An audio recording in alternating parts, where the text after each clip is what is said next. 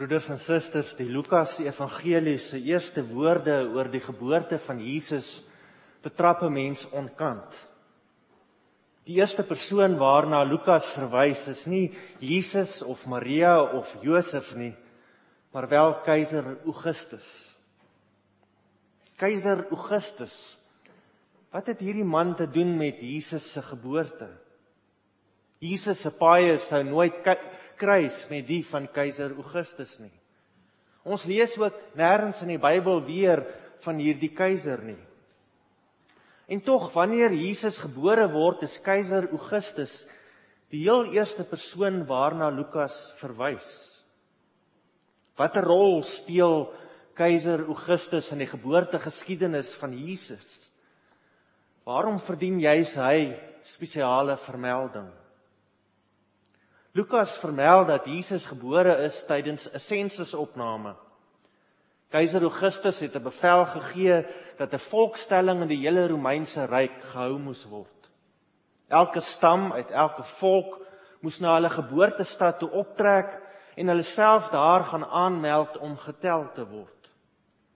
In sy wysheid bepaal God dat sy seun juis op hierdie tydstip gebore moes word tydens 'n volkstelling.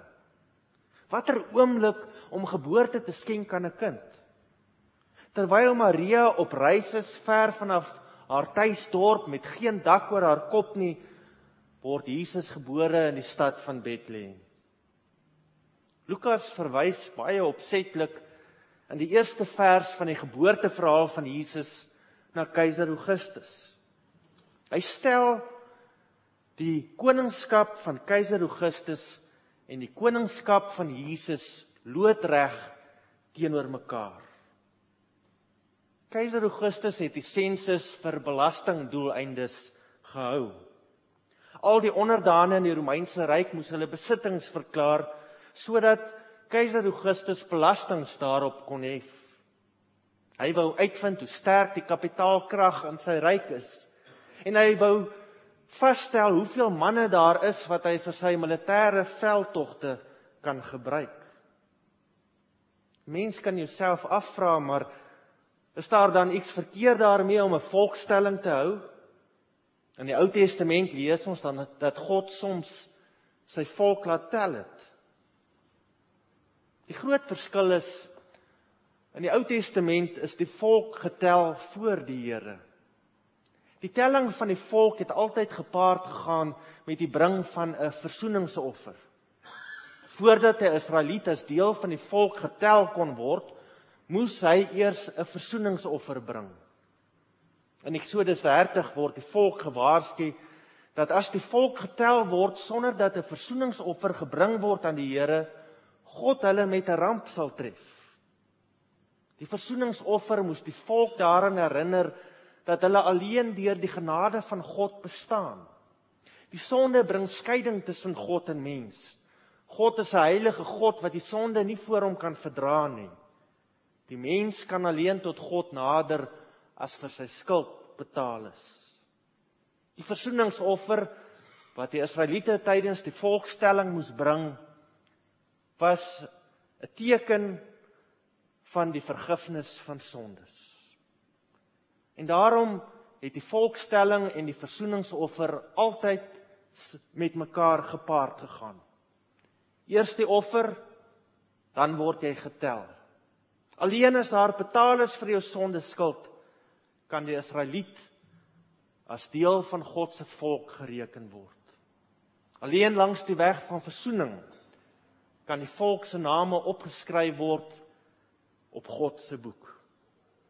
In 2 Samuel 24 lees ons dat Dawid op 'n keer die volk laat tel het. Hy het die volk laat tel op die hoogtepunt van sy mag.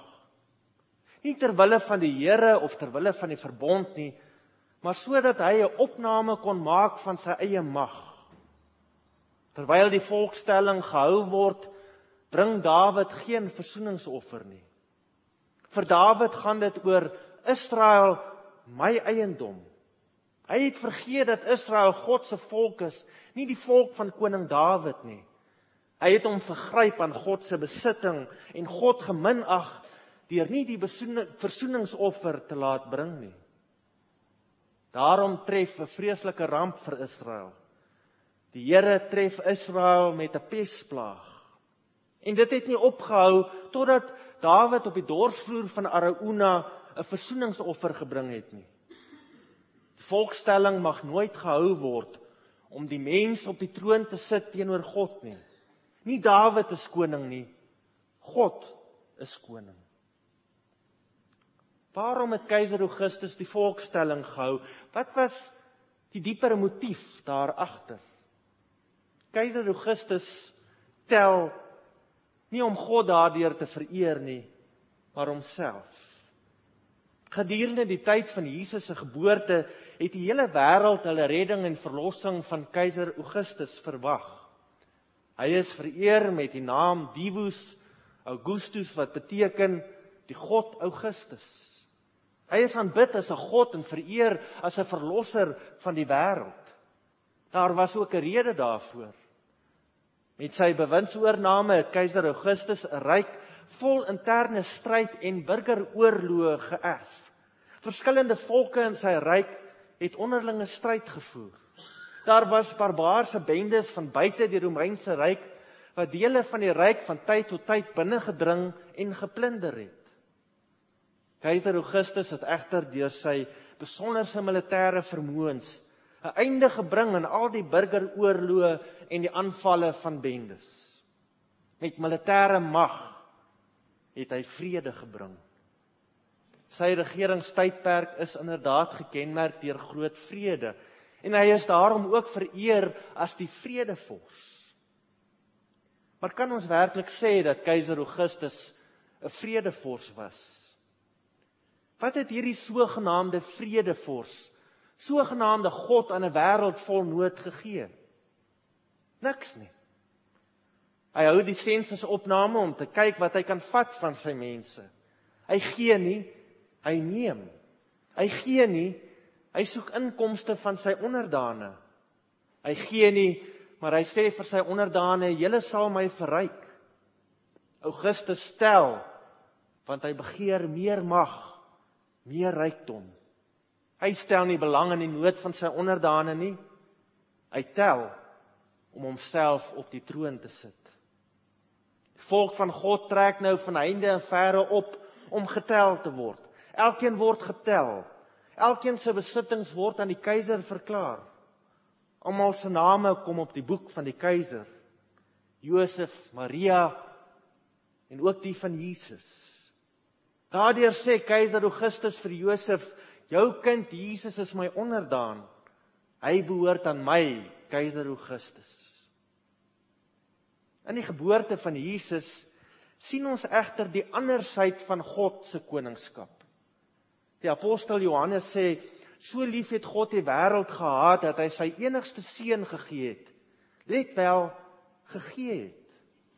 Augustus tel om te neem. God gee. Augustus soek aardse rykdom. God gee in Christus vir ons hemelse rykdom. Ja, God eis ook van ons, maar hy gee altyd eerste. Jesus Christus is die wonderlike gawe wat die Here gee tydens keiser Augustus se volkstelling. En wat 'n gawe! Hy stuur sy enigste seun om mens te word. Hy gee hom oor. Hy spaar hom nie. God gee eerste. Christus gee eerste.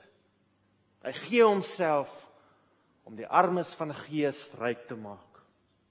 Hoe treffend stel Paulus dit nie in 2 Korintiërs 8 vers 9 nie. Jesus Christus word ter wille van ons arm sodat ons ryk kan word. En daarom broeders en susters is hy en nie keiser Augustus nie die ware verlosser. Daarom is hy die ware vredevors, nie keiser Augustus nie. Jesus Christus kom betaal vir ons sondes. Hy skenk aan ons die ewige lewe. Hy vat nie, hy gee. Die versoeningsoffer wat die Israeliete moes bring voordat hulle as deel van God se volk getel kon word, het op sigself geen waarde gehad nie. Hoe sal die offer van 'n dier of die offer van geld ooit vir ons skulde kan betaal? Hoe sal enige menslike offer ooit voor God kan intree? Geen menslike offer kan ooit ons skulde voor God betaal nie. Die mens maak sy sonde altyd meer.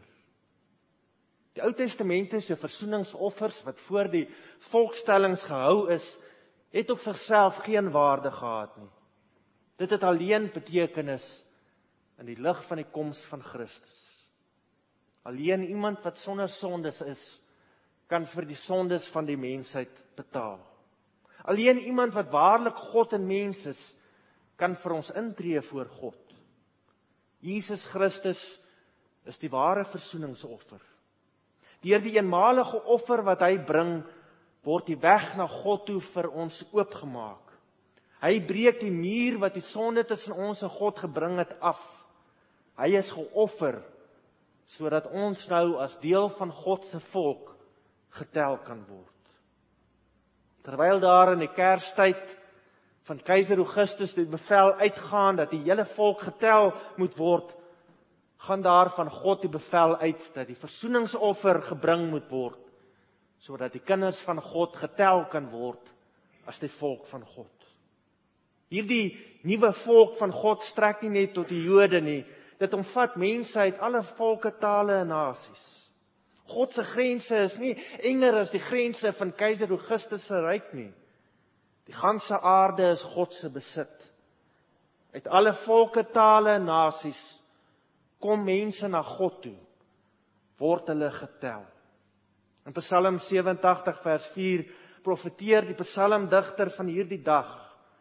Ek tel onder die wat my ken, ook die mense van Egipte en Babel, selfs die van Filistea, Tyrus en Kus.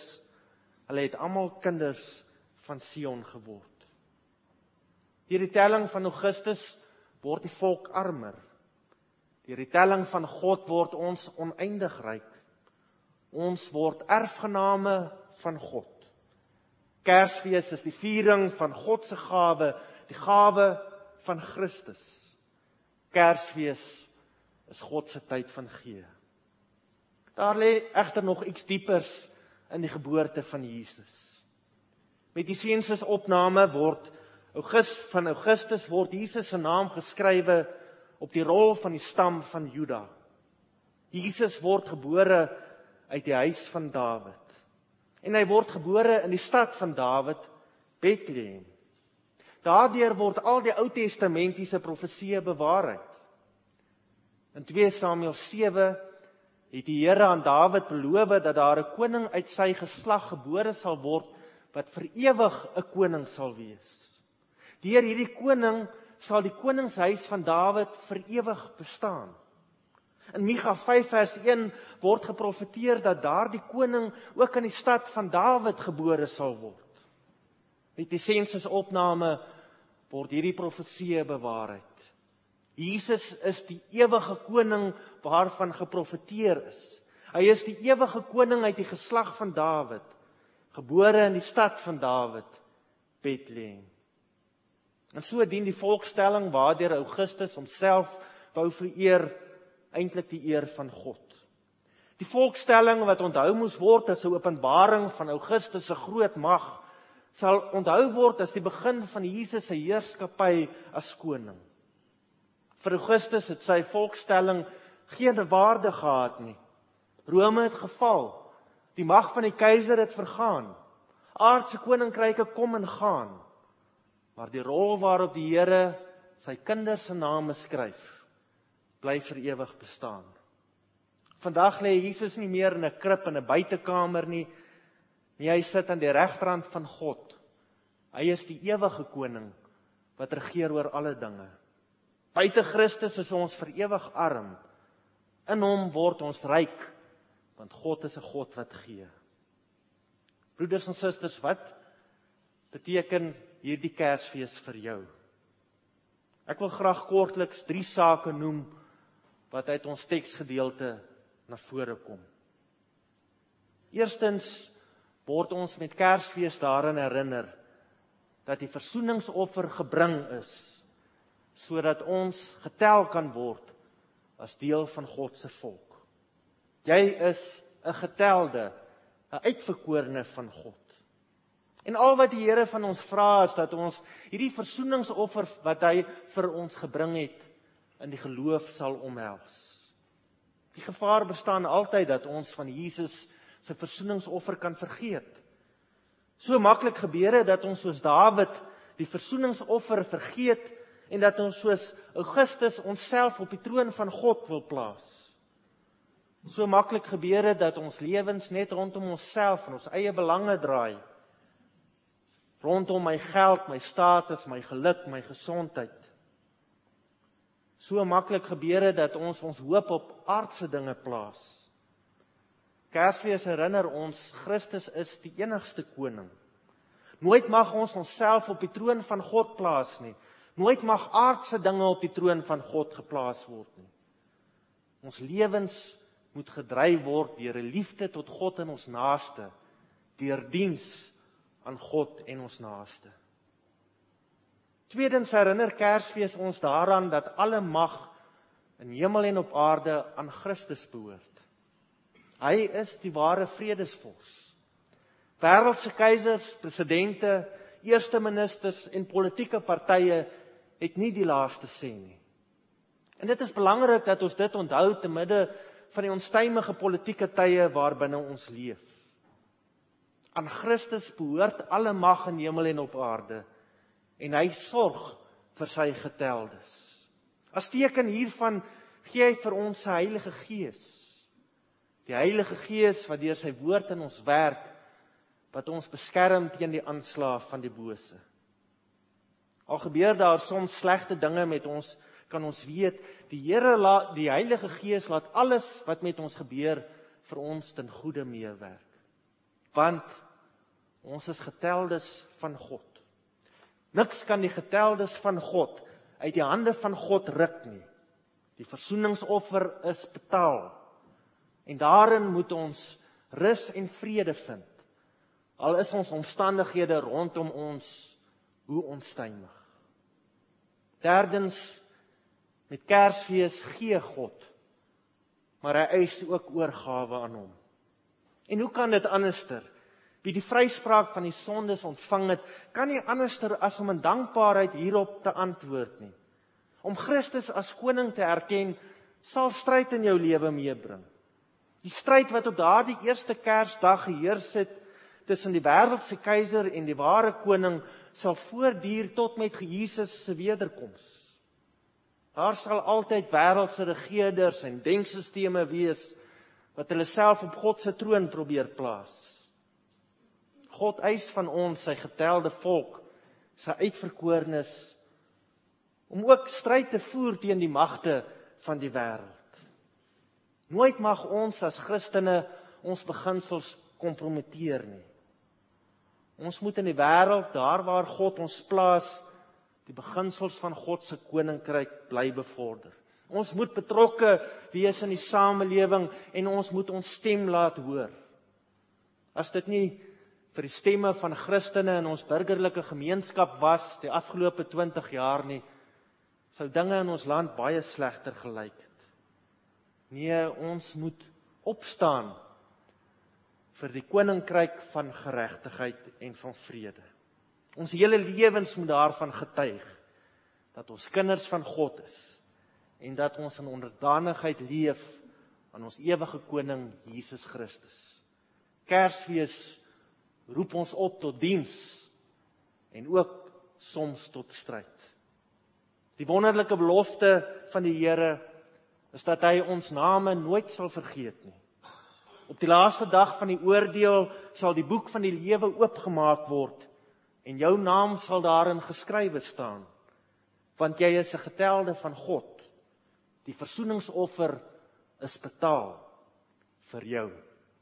Amen. Kom ons bid saam. Hemelse Vader, ons dankie vir die wonderlike voorreg om as kinders van U getel te kan word. Gee dat U liefde nooit by ons sal verbygaan nie.